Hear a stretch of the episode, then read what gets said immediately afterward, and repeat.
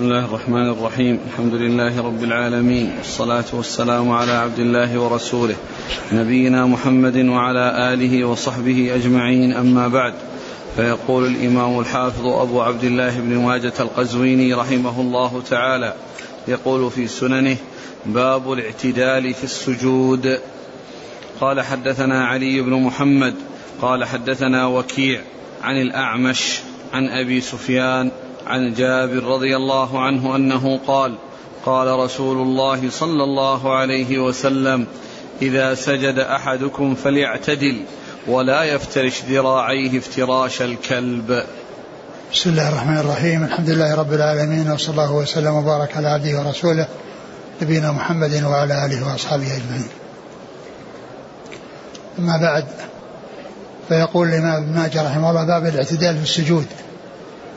أي في هيئة السجود يكون معتدلا يعني متوسطا بين كونه يعني يشدد على نفسه بمعنى أنه يمتد و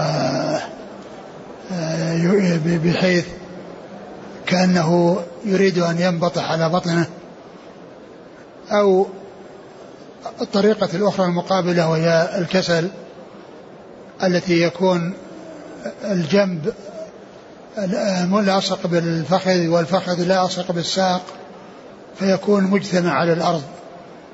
وكذلك أيضا الذراع يعني يكون على الأرض يعني مثل ما يفعل الكلب يعني يفرش ذراعه فيكون الذراع مع الكف منبسطان على الأرض.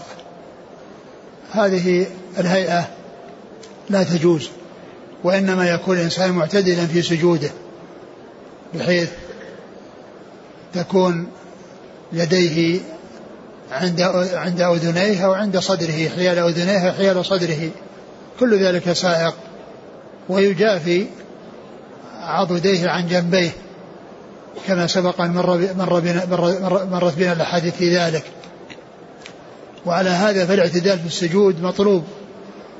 لا يشدد على نفسه بحيث يمتد ويكلف نفسه ويصير كأنه يريد أن ينبطح على بطنه من شدة المبالغة في الامتداد وكذلك العكس.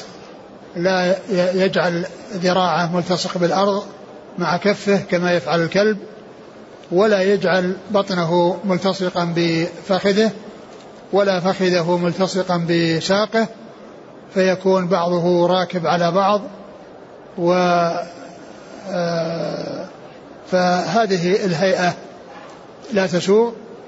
وكذلك الهيئة الأخرى التي فيها التشديد الإنسان على نفسه وإنما الاعتدال الذي يكون ممكنا ركبتيه ويديه وجبهته وأنفه وكذلك مجافيا عضديه عن جنبيه. هذا هو الاعتدال في السجود وفيه أيضا النهي عن مشابهة الكلاب التي تفرش آه، آه، الكلب الذي يفرش ذراعيه فإن هذه الهيئة يعني هيئة آه، كسل وهيئة يعني خمول بحيث يكون الجسم بعضه على بعض لاصقا في الأرض. نعم. قال حدثنا علي بن محمد هو الطنافسي ثقة أخرج أصحاب النسائي في مسند علي وابن ماجه. عن وكيع وكيع بن الجراح الرؤاسي الكوفي ثقة أخرج أصحاب الكتب. عن الأعمش سليمان بن مهران الكاهلي ثقة أخرج أصحاب الكتب. عن أبي سفيان أبو سفيان طلحة بن نافع وهو صدوق أخرجه أصحاب الكتب. نعم. عن جابر عن جابر بن عبد الله الأنصاري رضي الله عنهما وهو أحد السبع المكثرين من حديث رسول الله صلى الله عليه وسلم.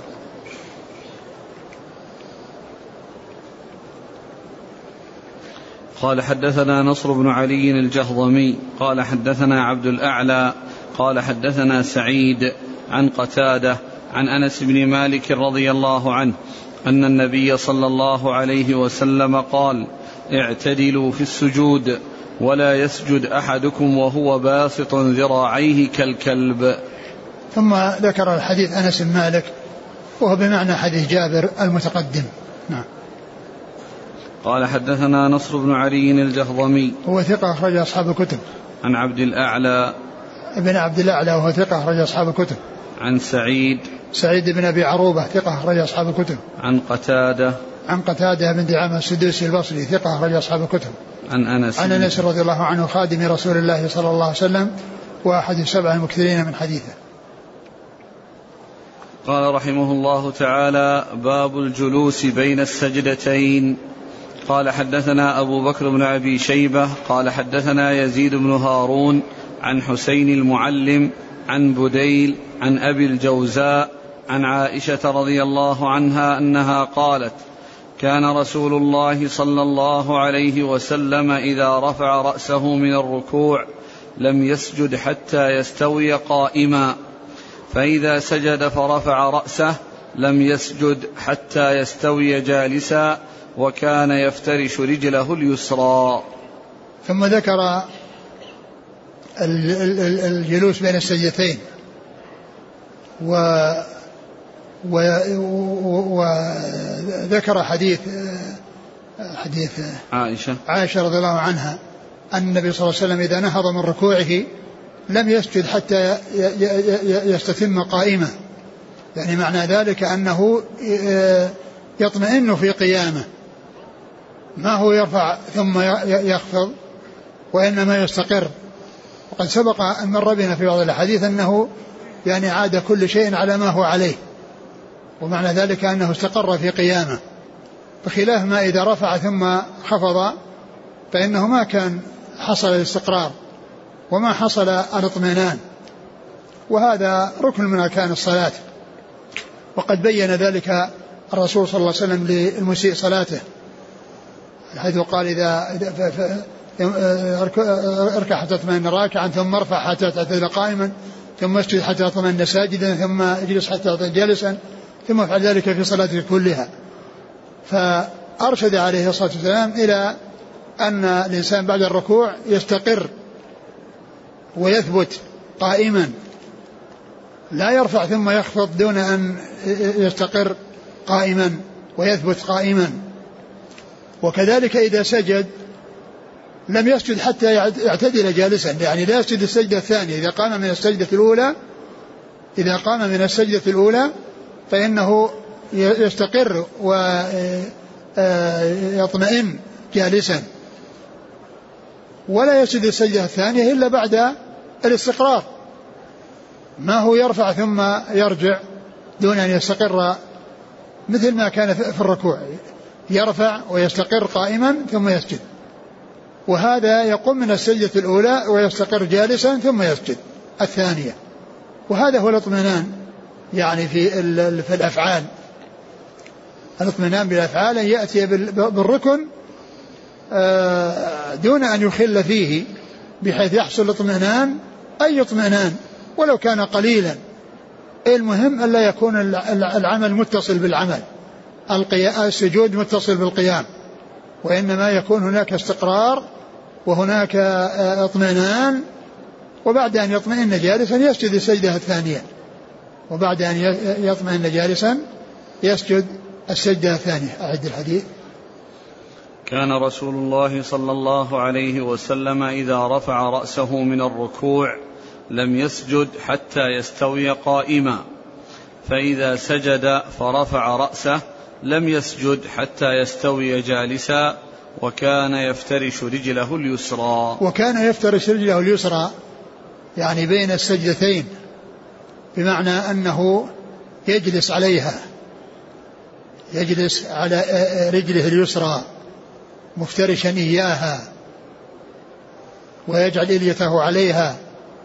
وأما الرجل اليمنى فإنها تكون ظاهرة وتكون منتصبة وأطرافها متجهة إلى القبلة أصابعها أطراف أصابعها متجهة إلى القبلة.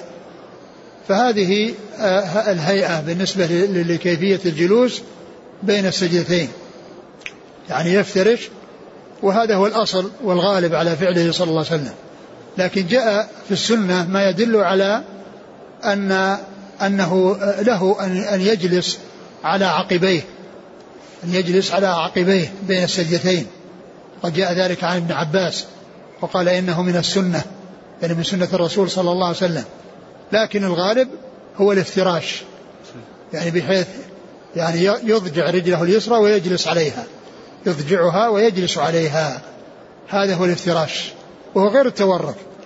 التورك الذي سيأتي يعني يظهر رجله اليسرى من تحت رجله اليمنى من تحت ساقه اليمنى ويجعل اليته على الأرض فيكون وركه على الأرض. يكون وركه على الأرض وأما في الافتراش وركه على رجله. في الافتراش وركه على رجله اليسرى لأنه قد افترشها. فهذه هي الهيئة في التشهد الأول في الصلاة التي فيها تشهدان وكذلك في الجلوس بين السجدتين. ويضاف إلى ذلك بين السجدتين فقط الهيئة التي ذكرها ابن عباس وهي الجلوس على العقبين يعني في بعض الأحيان. نعم. قال حدثنا أبو بكر بن أبي شيبة. هو ثقة أخرج أصحاب الكتب إلى الترمذي. عن يزيد بن هارون. الواسطي ثقة أخرج أصحاب الكتب. عن حسين المعلم. وحسين بن ذكوان المعلم ثقة أخرج أصحاب الكتب. عن بديل. عن بديل هو ثقة أخرجه مسلم وأصحاب السنن. نعم. عن أبي الجوزاء. وهو ثقة أخرج أصحاب الكتب. نعم. عن عائشة. عائشة أم المؤمنين رضي الله عنها وأرضاها وهي ممن أكثر الرواية عن رسول الله صلى الله عليه وسلم. قال حدثنا علي بن محمد. قال حدثنا عبيد الله بن موسى عن إسرائيل عن أبي إسحاق عن الحارث عن علي رضي الله عنه أنه قال قال لي رسول الله صلى الله عليه وسلم لا تقع بين السجدتين. ثم ذكر هذا الحديث عن علي رضي الله عنه أن النبي صلى الله عليه وسلم قال له لا تقع بين السجدتين. يعني لا يقعي إقعاء الكلب.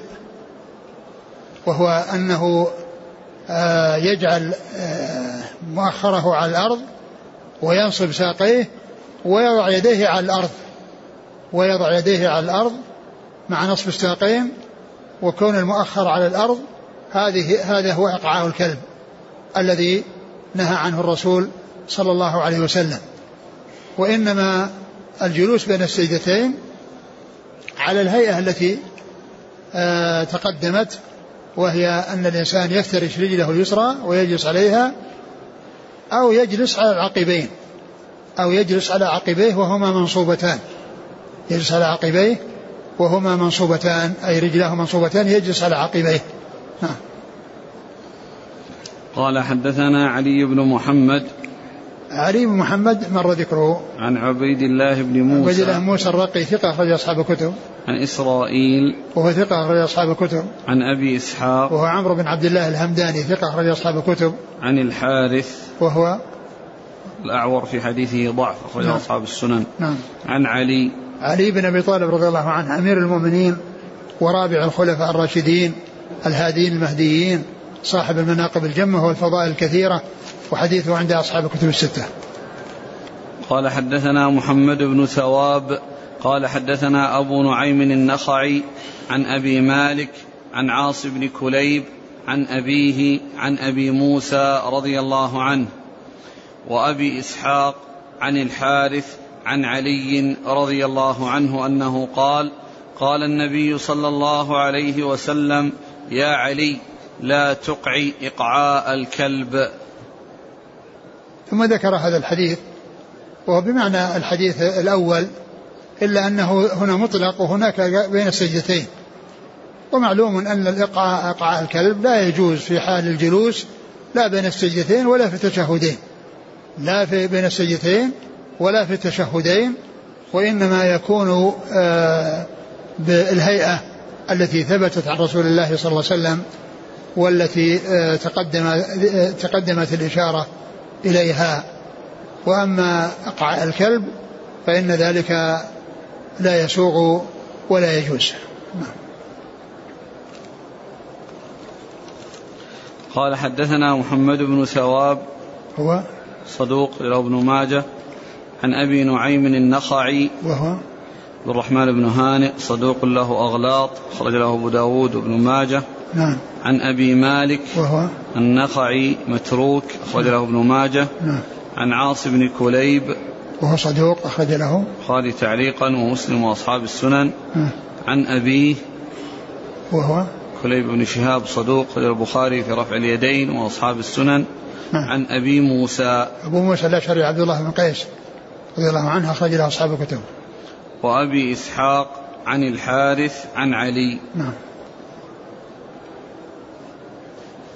قال حدثنا الحسن بن محمد بن الصباح قال حدثنا يزيد بن هارون قال أخبرنا العلاء أبو محمد قال سمعت أنس بن مالك رضي الله عنه يقول قال لي النبي صلى الله عليه وسلم إذا رفعت رأسك من السجود فلا تقعي كما يقعي الكلب ضع إليتيك بين قدميك وألزق ظاهر قدميك بالأرض ثم ذكر هذا الحديث عن أنس رضي الله عنه أن النبي صلى الله عليه وسلم قال له إذا قمت من السجود فلا تقعي إقعاء الكلب وألصق آه وألصق. ضع, اليتيك وضع بين اليتيك قدميك. بين قدميك.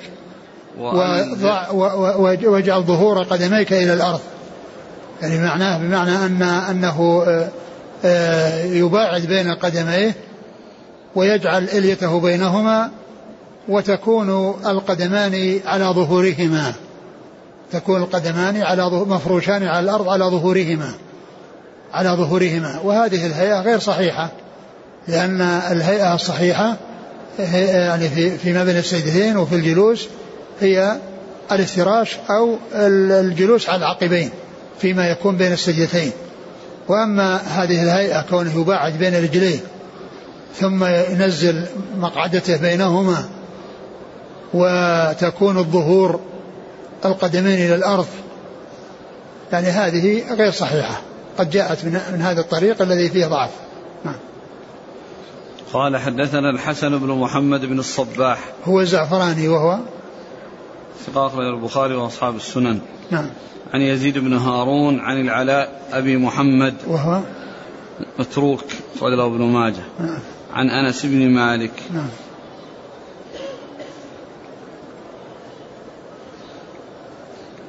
يقول السائل في الجلسة التي بين السجدتين أو جلسة التشهد هل تكون أصابع اليدين مضمومة مضمومتين أو مفرجتين؟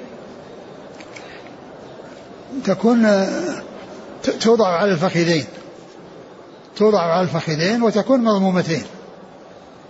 إلا إذا كان في بعض الروايات أنها يعني يعني على الركبة أو يعني يلقم الركبة طبعا يكون فيه شيء من التفريق. الرجل الكبير الذي لا يستطيع الاعتدال بعد القيام من الركوع أو بين السجدتين إلا بمشقة فهل له أن ينزل مباشرة بعد الرفع؟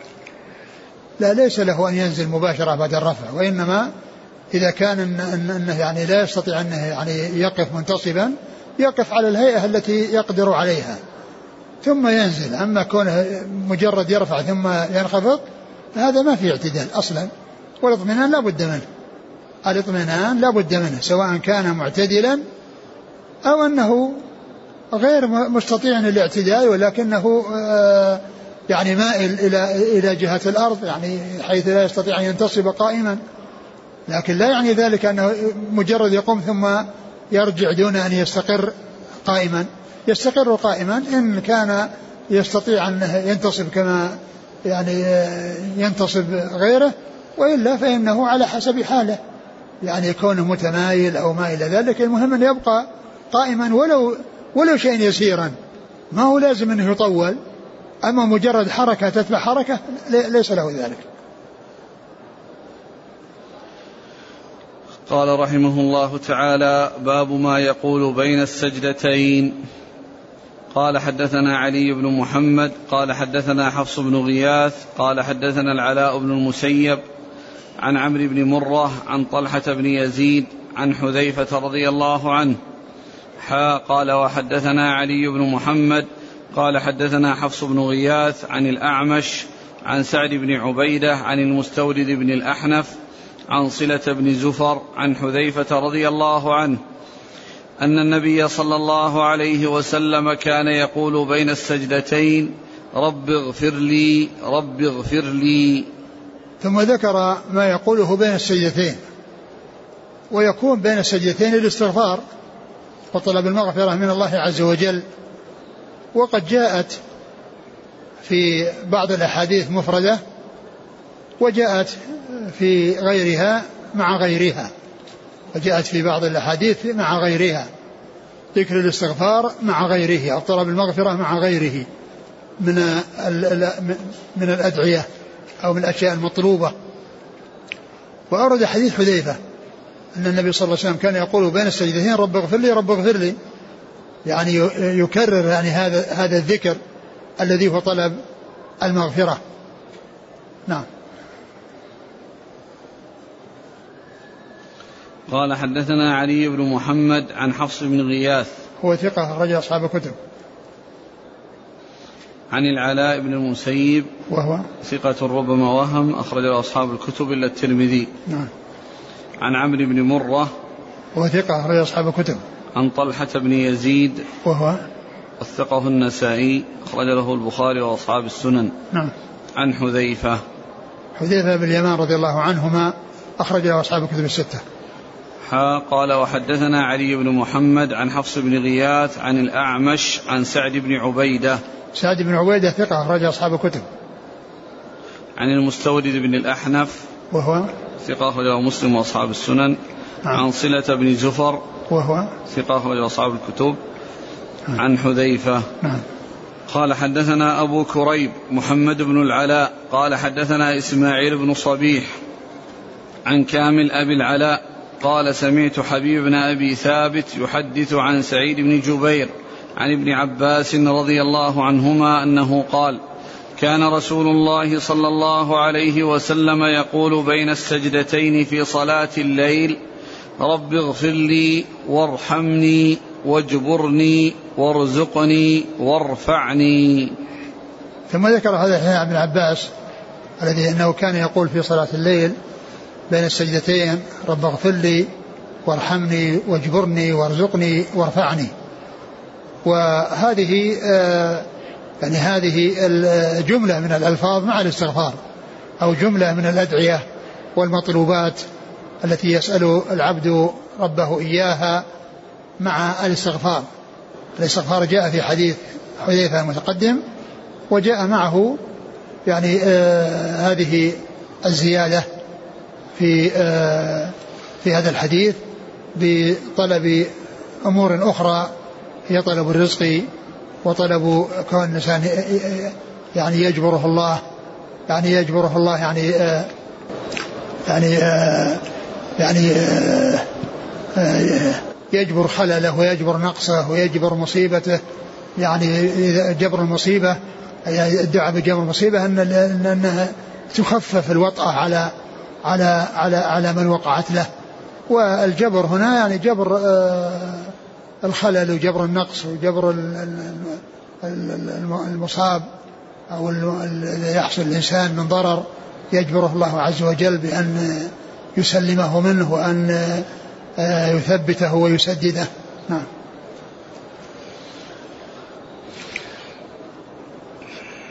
قال حدثنا أبو كريب محمد بن العلاء ثقة أخرج أصحاب الكتب. عن إسماعيل بن الصبيح. وهو صدوق له ابن ماجه. وهذا والده بكسر بفتح الصاد. صبيح. وأما مسلم بن صبيح أبو الضحى فهو بالتصغير بضم الصاد. مسلم بن صبيح وهذا إسماعيل بن صبيح. يعني أبوه بفتح الصاد وذاك أبوه بضمها. نعم. وهذا اللي يسمونه المشتبه. المشتبه يعني كون الرسم يختلف متفق ولكن الفرق بالشكل. الفرق بالشكل. نعم.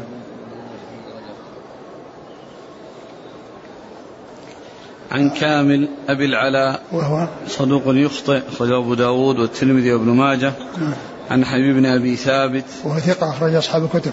عن سعيد بن ثقة أخرج أصحاب الكتب. عن ابن عباس. عبد الله بن عباس بن عبد المطلب ابن عم النبي صلى الله عليه وسلم وأحد السبعة المكثرين من حديثه. في الحديث حديث حذيفة رب اغفر لي رب اغفر لي. هل الدعاء مرتين التكرار هنا للحصر أم المراد؟ يعني تكرار هذا الدعاء لا. هو رد أنه في هذا الحديث أنه جاء مرتين وكذلك تكراره سائر لكن الذي في الحديث مرتين وجاء في الأحاديث الأخرى بدون تكرار الذي فيه رب ارحمني وارزقني واجبرني وعافني. نعم. هل يجوز أن يزيد المصلي بعد طلب المغفرة بين السجدتين؟ كما نسمع رب اغفر لي ولوالدي. يأتي الإنسان بما ورد ولا يزيد عليه لكنه يدعو لوالديه في السجود ويدعو لما يعني يكثر من الدعاء في السجود له ولمن يريد. وأما بين السجدتين فإنه يأتي بالوارد بالذي ورد. وأما السجود فهو الذي يكثر فيه من الدعاء كما قال عليه الصلاة والسلام أما الركوع فعظموا فيه الرب وأما السجود فأكثروا فيه من الدعاء فقمن أن يستجاب لكم. قوله في حديث ابن عباس كان صلى الله عليه وسلم يقول بين السجدتين في صلاة الليل نعم يعني كان هو يحكي في صلاة الليل ولعل ذلك في آه، يوم يوم يكون عند خالته ميمونة يوم يأتي إليهم ويعرف آه، ويصلي مع النبي صلى الله عليه وسلم لكن هذا هذا الذكر الذي هو رب اغفر لي وارحمني يؤتى به أيضا في نفس الفريضة. قال رحمه الله تعالى باب ما جاء في التشهد. قال حدثنا محمد بن عبد الله بن نمير. قال حدثنا أبي. قال حدثنا الأعمش عن شقيق عن شقيق بن سلمة عن عبد الله بن مسعود رضي الله عنه. حاء قال وحدثنا أبو بكر بن خلاد الباهلي. قال حدثنا يحيى بن سعيد. قال حدثنا الأعمش. قال حدثنا شقيق عن عبد الله بن مسعود رضي الله عنه أنه قال كنا إذا صلينا مع النبي صلى الله عليه وسلم قلنا السلام على الله قبل عباده السلام على جبرائيل وميكائيل وعلى فلان وفلان يعنون الملائكة فسمعنا فسمعنا رسول الله صلى الله عليه وسلم فقال لا تقولوا السلام على الله فإن الله هو السلام. فإذا جلستم فقولوا التحيات لله والصلوات والطيبات. السلام عليك أيها النبي ورحمة الله وبركاته. السلام علينا وعلى عباد الله الصالحين. فإنه إذا قال ذلك أصابت كل عبد صالح في السماء والأرض. أشهد أن لا إله إلا الله وأشهد أن محمدا عبده ورسوله. ثم ذكر التشهد. والتشهد تشهدان. تشهد يعقبه السلام وسواء كانت الصلاة آه، ثنائية أو ثلاثية أو رباعية. وسجود وتشهد في, في, في وسط الصلاة في أثنائها وهو الذي يكون في الثلاثية والرباعية. يكون في الثلاثية والرباعية التشهد الأول. لك تشهد أول في الصلاة التي فيها تشهدان. وتشهد أخير في الصلاة التي فيها تشهدان وفي الصلاة التي ليس فيها إلا تشهد واحد كالفجر وهي الفجر. فيأتي آه، الإنسان في تشهده أو في جلوسه للتشهد بالتشهد الذي هو التحيات لله والصلوات والطيبات. السلام عليك أيها النبي ورحمة الله وبركاته. السلام علينا وعلى عباد الله الصالحين. أشهد أن لا إله إلا الله وأشهد أن محمدا عبده ورسوله. وهذا هو التشهد الذي ثبت عن ابن مسعود وجاء عن ابن مسعود والذي ذكره المصنف هنا. فيأتي به في التشهد الأول وفي التشهد الثاني. وكان ذلك أول ما يكون وبعد عند القعدة عندما يقعد للتشهد يبدأ به لا يبدأ بشيء آخر. لا يقدم عليه غيره من من دعاء أو صلاة على النبي صلى الله عليه وسلم وإنما يأتي بالتشهد أولا. و والحديث يقول حديث مسعود يقول كنا إذا صلينا مع النبي صلى الله عليه وسلم قلنا السلام على الله قبل عباده. كنا إذا صلينا مع النبي قلنا السلام على الله قبل عباده يعني أنهم يسلمون على الله. قبل عباده يعني قبل أن يسلموا على غيره. فيبدأون بالسلام عليه السلام على الله السلام على جبريل السلام على ميكائيل السلام على كذا السلام على كذا. فيبدأون بالسلام على الله. ويعقبونه أو يعقبون يأتون عقبه بالسلام على عباده. يعني من الملائكة وغيرهم. فالنبي صلى الله عليه وسلم قال لا تقولوا السلام على الله فإن الله هو السلام. السلام دعاء. والله عز وجل يدعى يدعى ولا يدعى له. والمخلوقون هم الذين يدعى لهم ولا يدعون. المخلوقون يدعى لهم ولا يدعون. والله يدعى ولا يدعى له. وقولها السلام على السلام على الله يعني قبل عباده أو من عباده يعني معناه دعاء له. وهذا لا يسوق لأن الله تعالى هو السلام ومنه السلام. وهو الذي يأتي بالسلام. وهو الذي تحصل منه السلامة. والمخلوقات هم الذين بحاجة إلى السلامة. والله تعالى هو المسلم لهم. وهو الذي يتفضل عليهم بذلك. وأما الله عز وجل فلا يدعى له وإنما يدعى. الله تعالى يدعى وغيره يدعى له ولا يدعى. الله يدعى ويرجى ويسأل وغيره يدعى له ويسأل له ويرجى له من الله عز وجل ما يطلب من الله له. فبين لهم عليه الصلاة والسلام أن أن السلام على الله لا يجوز. وأن لأنه دعاء والله عز وجل لا يدعى له وإنما يدعى. هو الذي يدعى سبحانه وتعالى.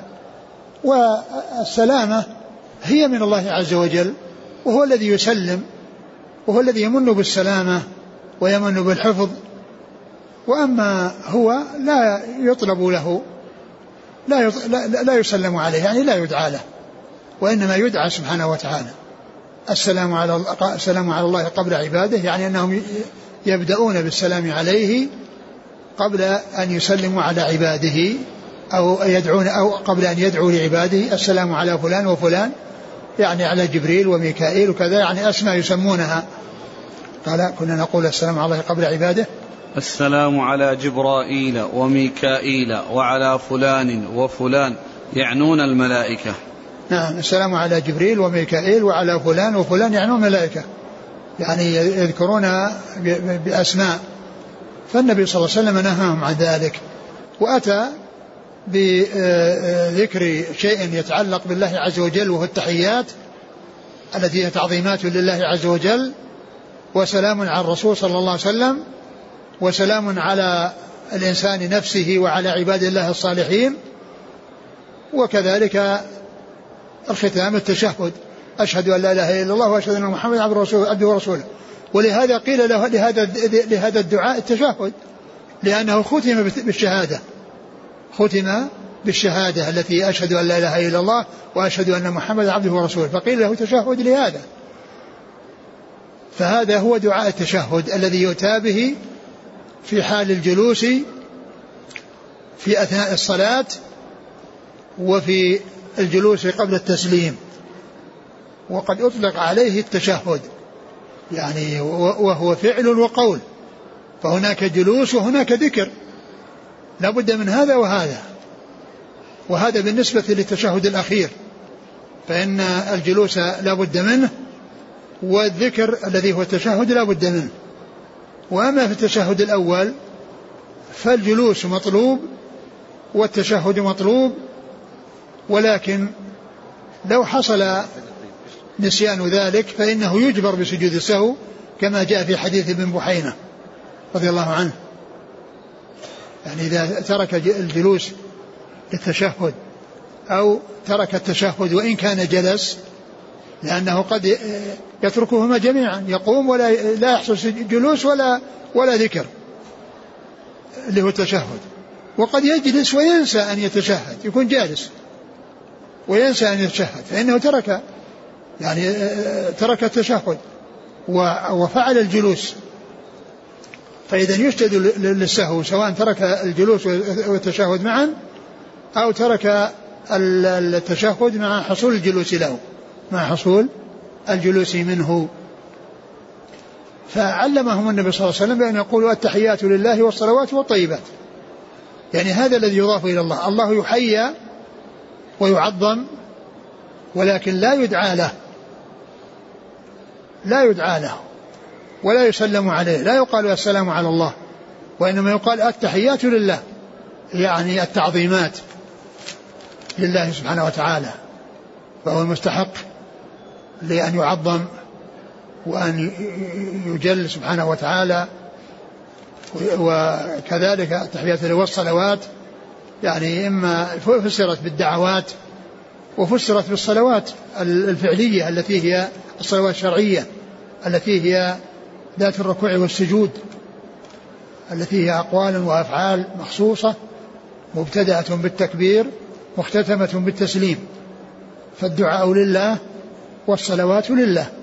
الصلوات التي هي ذات الركوع والسجود التي هي هذه العبادة العظيمة التي هي أعظم أركان الإسلام بعد الشهادتين التي هي الصلاة.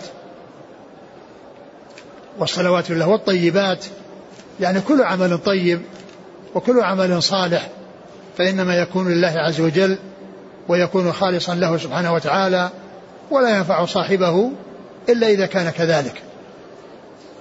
ثم قال السلام عليك أيها النبي ورحمة الله وبركاته. وهذا دعاء للنبي صلى الله عليه وسلم بالسلامة والرحمة والبركة. دعاء له صلى الله عليه وسلم بالسلامة والرحمة والبركة. وقد علمهم النبي صلى الله عليه وسلم هذا الدعاء وفيه كاف الخطاب. السلام عليك أيها النبي ورحمة الله وبركاته. علمهم ذلك صلوات الله وسلامه وبركاته بهذه الصيغة. وقد جاء في بعض حديث ابن مسعود في روايات ابن مسعود في البخاري أنهم كانوا يقولون ذلك في حياته وبعد وفاته صاروا يقولون السلام على النبي ورحمة الله وبركاته. يعني تحولوا من الخطاب إلى الغيبة. السلام على النبي ورحمة الله وبركاته. يعني جاء ذلك أنهم كانوا يفعلون ذلك في حياته كما علمهم صلى الله عليه وسلم وبعد وفاته عدلوا عن الخطاب إلى الغيبة فيقولون السلام على النبي ورحمة الله وبركاته. لكن جاء عن عمر بن الخطاب رضي الله عنه أنه كان في زمن خلافته يعلم الناس التشهد وهو على المنبر وهو يخطب ويقول في تعليمها السلام عليك أيها النبي ورحمة الله وبركاته. السلام عليك أيها النبي ورحمة الله وبركاته. ما يقول لهم السلام على النبي ورحمة الله وبركاته. وإنما يعلمهم بكاف الخطاب كما جاء في حديث مسعود نفسه. فدل هذا على أن الصحابة رضي الله عنهم وأرضاهم ما كان آه، اتفقوا على ترك الخطاب وإنما كان يحصل منهم هذا وهذا. وعمر رضي الله عنه يعلم الناس التشهد وهو على المنبر. يقول قولوا كذا وكذا. السلام عليك أيها النبي ورحمة الله وبركاته. فيدل فهذا يدل على أن الأمر واسع. إن قال السلام عليك أيها النبي ورحمة الله وبركاته وإن قال السلام على النبي ورحمة الله وبركاته كل ذلك صحيح. هذا جاء عن الصحابة وهذا جاء عن النبي صلى الله عليه وسلم في تعليمه وجاء عن عمر أنه كان يعلم الناس وهو على المنبر يعني آه ذلك. فالأمر في ذلك واسع. السلام عليك أيها النبي ورحمة الله وبركاته. ثم أيضا الناس يعلمون التشهد كما علمهم النبي صلى الله عليه وسلم إياه. ما يتركون إذا علموا الناس يعني يقولون التحيات لله والصلوات والطيبات والسلام على النبي ورحمة الله وبركاته السلام علينا وعلى عباد الله. يتعلمون كما علمهم الرسول صلى الله عليه وسلم لكن لما جاء عن الصحابة أو عن بعض الصحابة أنهم كانوا آه، بعد وفاته يقولون هذه المقالة فمن قالها فعنده مستند يستند عليه ومن لم يقلها ومشى على ما جاءت الصيغة فيها عن رسول الله صلى الله عليه وسلم وهو الذي حصل من عمر في زمن خلافته يعلم الناس وهو على المنبر فكما قلت الأمر في ذلك واسع لكن الناس يعلمون التشهد كما علمهم النبي إياه عندما يعلمون ما يقال السلام على النبي ورحمة الله وبركاته السلام علينا وعلى عباد الله الصالحين. نعم. ثم السلام علينا وعلى عباد الله الصالحين. يسلم الإنسان على نفسه وعلى كل عبد صالح في السماء والأرض. ولهذا جاء بعد ذلك ما يبينه حيث قال فإنك إذا قلت ذلك سلمت على نفسك وعلى كل عبد صالح في السماء والأرض. والصالح هو الذي يستقيم على أمر الله ويستقيم على طاعة الله هذا هو الصلاح. الصلاح هو الاستقامة على أمر الله. الاستقامة على أمر الله هذا هو الصلاح. وهذا الحديث يدل على أن الإنسان إذا استقام والتزم الطاعات فإنه يكون له نصيب من هذه الدعوات التي يدعو بها كل مسلم يصلي. كل مسلم في صلاته يدعو السلام علينا وعلى عباد الله الصالحين. فيكون لمن يكون كذلك نصيب من هذه الدعوات من جميع المسلمين الذين يدعون بهذا الدعاء في صلاتهم حيث يدعون لأنفسهم ويدعون لكل عبد صالح في السماء والأرض. كما قال ذلك في هذا الحديث فإنك إذا فعلت ذلك فقد سلمت فإنك إذا قلت ذلك فإنه إذا قال ذلك أصابت كل عبد صالح في السماء والأرض. أصابت كل عبد صالح في السماء والأرض. هذا جاء في أثناء التشهد تفسيرا وتوضيحا لهذا المعنى وهو أنها تصيب كل عبد صالح في السماء والأرض. وأن الإنسان إذا اجتهد إلى أن يكون من أهل الصلاح فإنه يكون له نصيب من هذه الدعوات التي تحصل من الناس آه حيث يدعون بهذا الدعاء في صلاتهم. ثم قال أشهد أن لا إله إلا الله وأشهد أن محمدا عبده ورسوله. أشهد أن لا إله إلا الله وأشهد أن محمدا عبده ورسوله. وهاتان الشهادتان هما الأساس لكل خير. وهما اللذان لا بد منهما لقبول أي عمل من الأعمال. لأنه لا بد من شهادة لا إله إلا الله وشهادة أن محمد رسول الله عليه الصلاة والسلام. وهما شهادتان متلازمتان. لا تكفي إحداهما عن الأخرى. فمن شهد أن لا إله إلا الله ولم يشهد أن محمد رسول الله فليس بمسلم. لا بد أن يشهد الشهادتين ولا بد أن يجمع بينهما. ولا يكون إنسان مسلما بعد بعثة نبينا محمد عليه الصلاة والسلام إلا أن يشهد لله بالوحدانية والألوهية ولنبيه محمد صلى الله عليه وسلم بالرسالة ثم أيضا آه، آه، يدلان على الإخلاص والمتابعة مقتضاهما الإخلاص والمتابعة لأن مقتضى أشهد أن لا إله إلا الله الإخلاص ومقتضى أشهد أن محمد رسول عبده ورسوله المتابعة وهذان هما شرط قبول العمل. فكل عمل من الأعمال لا ينفع صاحبه عند الله إلا أن يتوفر فيه هذان الشرطان. أن يكون لله خالصا وهو مقتضى أشهد أن لا إله إلا الله. وأن يكون لسنة نبيه محمد صلى الله عليه وسلم مطابقا وموافقا وهو مقتضى أشهد أن محمد رسول الله. وهو مقتضى أشهد أن محمد رسول الله. ثم أيضا جاء فيه ذكر العبودية والرسالة وأشهد أن محمدا عبده ورسوله. وهذان الوصفان هما اللذان أرشد إليهما الرسول صلى الله عليه وسلم بأن يطلق عليه وأن يذكر بهما حيث قال لا تطروني كما أطرت النصارى بن مريم إنما أنا عبد فقولوا عبد الله ورسوله. فهو عبد لا يعبد ورسول لا يكذب. وإنما يطاع ويتبع عليه الصلاة والسلام. فالعبد لا يعبد. العبد لا يكون معبودا لأنه عبد. والرسول يصدق ولا يكذب. فهو عبد الله ورسوله صلوات الله وسلامه وبركاته. ليس له نصيب في العبادة. العبادة لله وأن المساجد لله فلا تدعو مع الله أحدا. والله تعالى هو الذي يدعى ويرجى وغيره يدعى له ولا يدعى. ففي الجمع بين الشهادتين وهما يقتضيان آه، الإخلاص والمتابعة وهذان هما شرط قبول العمل فكل عمل لا يكون خالصا لله ولا مطابقا لسنة رسول الله فإنه مردود على صاحبه. ولو وجد أحدهما وانتفى الثاني فإنه يرد لأنه لو وجد الإخلاص وانتفت المتابعة يكون العمل بدعة. وقد قال عليه الصلاة والسلام من أحدث في أمرنا ما ليس فهو رد. فإذا لابد من الإخلاص ولا بد من المتابعة. ولو وجد العمل وفقا للسنة ولكن فيه رياء وفيه آه، صرف وفيه شرك فإنه لا يقبل. كما قال الله عز وجل وقدمنا إلى ما عملوا من عمل فجعلناه هباء منثورا.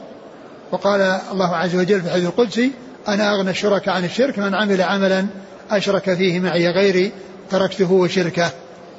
فإذا هذا هو التشهد الذي علمه النبي صلى الله عليه وسلم أصحابه وهذا تشهد ابن مسعود رضي الله عنه و وهناك تشهدات أخرى لأبي موسى ول ولغيره من أصحاب الرسول يعني رووها عن رسول الله صلى الله عليه وسلم وكل ما ثبت عن رسول الله صلى الله عليه وسلم فإنه حق ويؤتى به من أتى بهذا فقد أصاب ومن أتى بهذا قد, قد أصاب.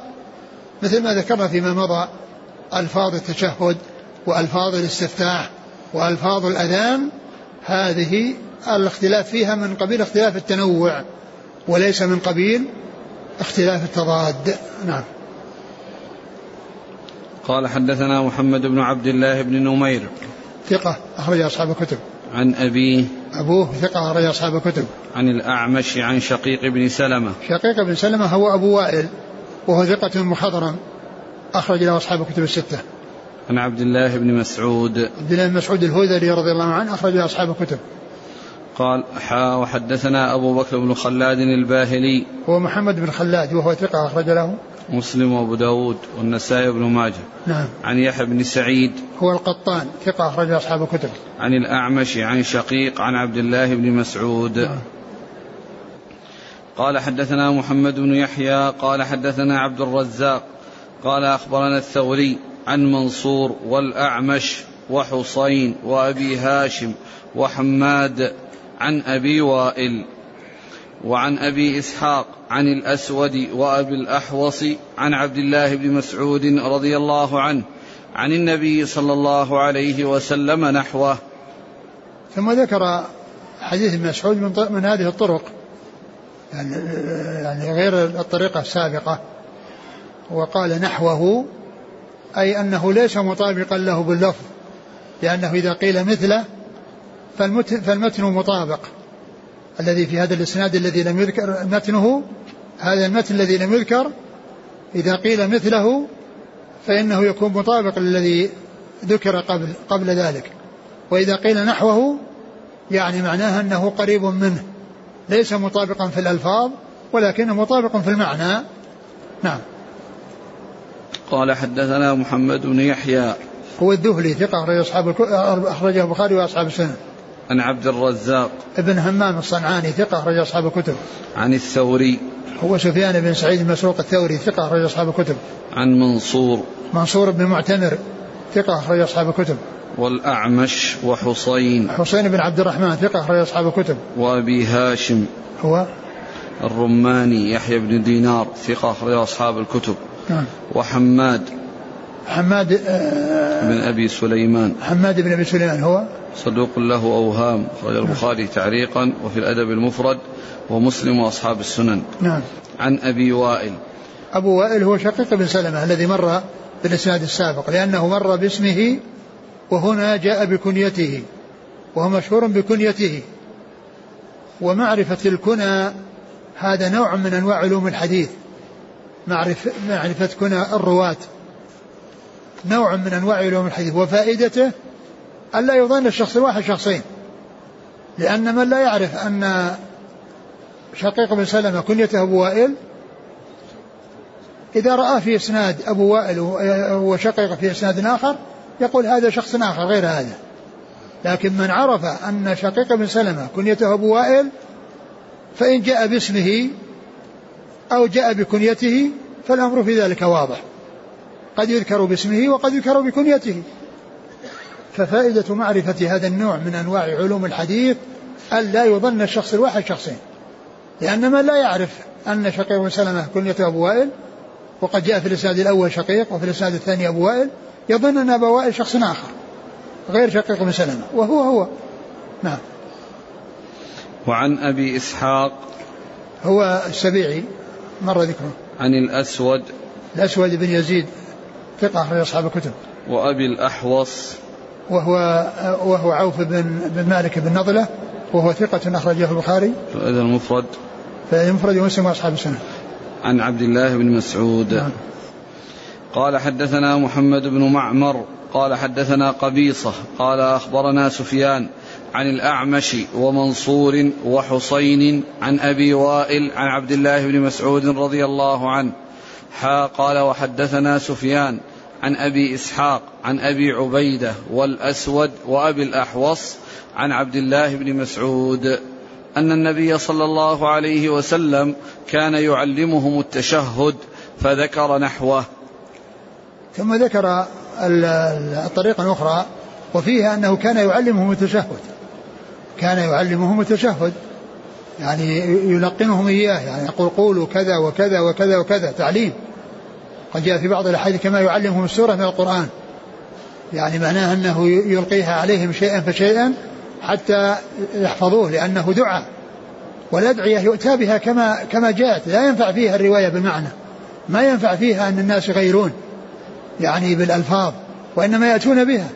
ولهذا لما جاء في الحديث الذي فيه آه، ونبيك الذي أرسلت فلما عاد الصحابي قال ورسولك الذي أرسلت قال لا ونبيك الذي أرسلت.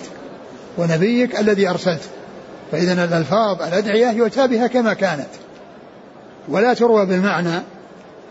نعم الرواية بالمعنى آه، تسوق إذا إذا لم يمكن ضبط اللفظ والإنسان أمكن أن يأتي بلفظ قريب منه يعني لأنه ما استطاع.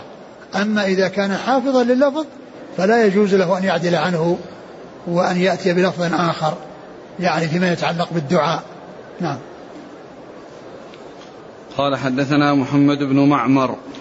هو البحراني وهو صدوق أخرج أصحاب الكتب وهو شيخ لأصحاب الكتب. هذا من شيوخ أصحاب الكتب الستة. وقد سبق أن مر بنا ذكر عدد منهم منهم هذا الذي هو معنى محمد بن معمر البحراني ويعقوب بن إبراهيم الدورقي ومحمد بن بشار ومحمد بن مثنى وعمرو بن علي الفلاس هؤلاء من آه من شيوخ أصحاب الكتب الستة رووا رووا عن رو أصحاب الكتب الستة رووا عنهم مباشرة وبدون واسطة نعم. عن قبيصة قبيصة بن عقبة هو صدوق لأصحاب الكتب. نعم. عن سفيان عن الأعمش ومنصور وحصين عن أبي وائل عن عبد الله بن مسعود. نعم. حا قال وحدثنا سفيان عن أبي إسحاق عن أبي عبيدة. أبو عبيدة هو ابن عبد الله بن مسعود وهو ثقة. أخرجه أصحاب الكتب. نعم. والأسود وأبي الأحوص عن عبد الله بن مسعود. نعم. قال حدثنا محمد بن رمح قال أخبرنا الليث بن سعد عن أبي الزبير عن سعيد بن جبير وطاووس عن ابن عباس رضي الله عنهما أنه قال كان رسول الله صلى الله عليه وسلم يعلمنا التشهد كما يعلمنا السورة من القرآن فكان يقول التحيات المباركات الصلوات الطيبات لله السلام عليك أيها النبي ورحمة الله وبركاته. السلام علينا وعلى عباد الله الصالحين. أشهد أن لا إله إلا الله وأشهد أن محمدا عبده ورسوله. ثم ذكر التشهد عن ابن عباس رضي الله عنهما وهو مثل تشهد ابن مسعود إلا في أوله لأن قال التحيات المباركات الصلوات الطيبات. وهناك قال التحيات لله والصلوات والطيبات بالعطف. وهذا بغير عطف الذي هو حديث ابن عباس. التحيات المباركات الصلوات الطيبات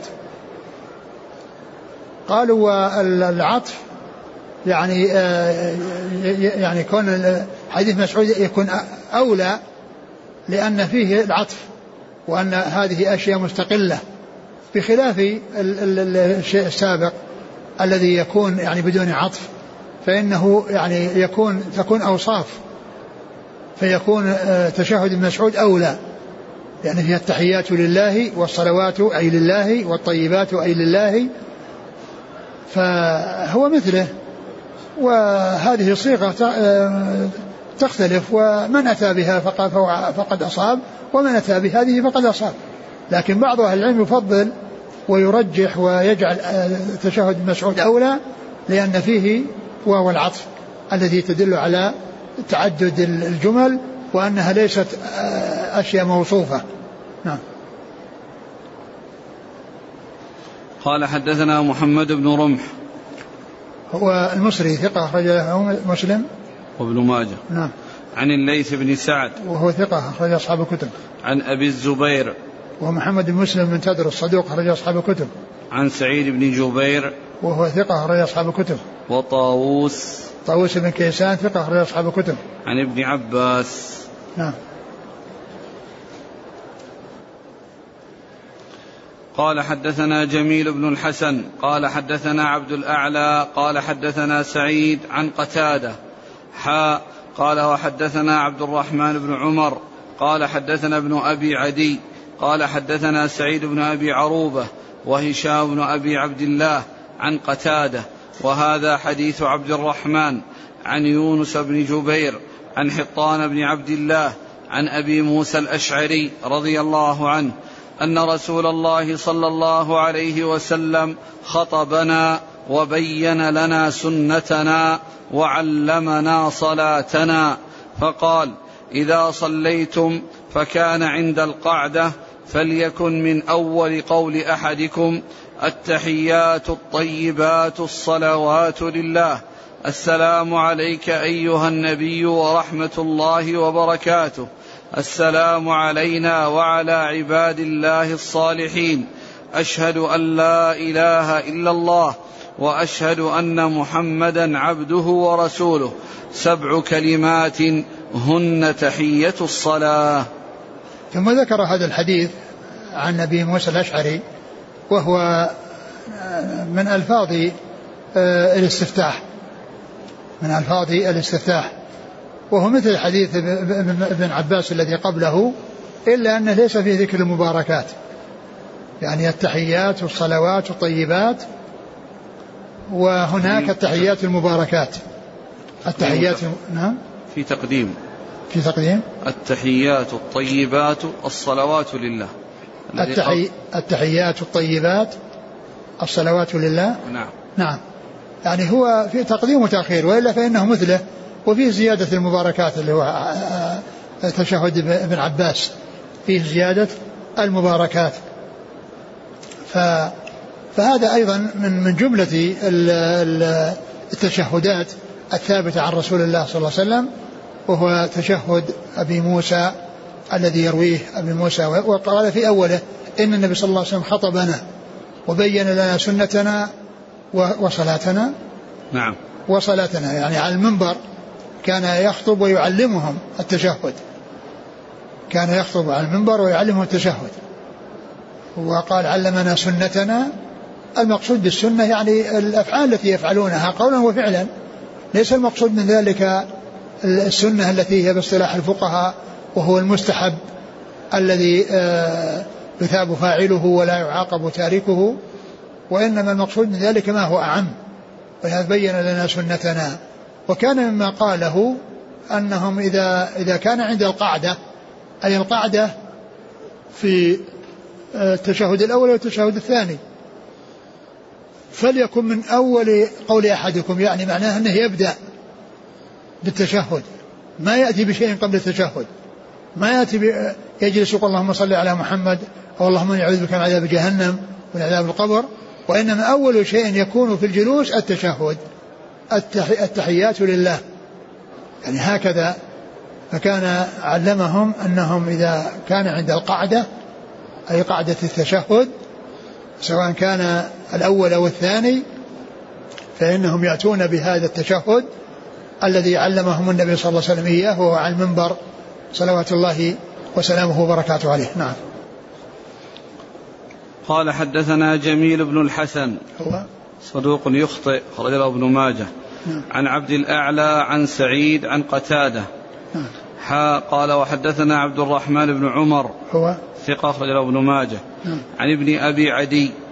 وهو محمد بن إبراهيم ثقة أخرج أصحاب الكتب. عن سعيد بن أبي عروبة وهشام بن عبد الله هو الدستوائي ثقة أخرج أصحاب الكتب. عن قتادة وهذا حديث عبد الرحمن. يعني الطريقة الثانية التي هي عبد الرحمن بن عمر. يعني أن هذا اللفظ هو طريق عبد الرحمن. نعم. عن يونس بن جبير. هو؟ ثقة أخرج أصحاب الكتب. نعم. عن حطان بن عبد الله.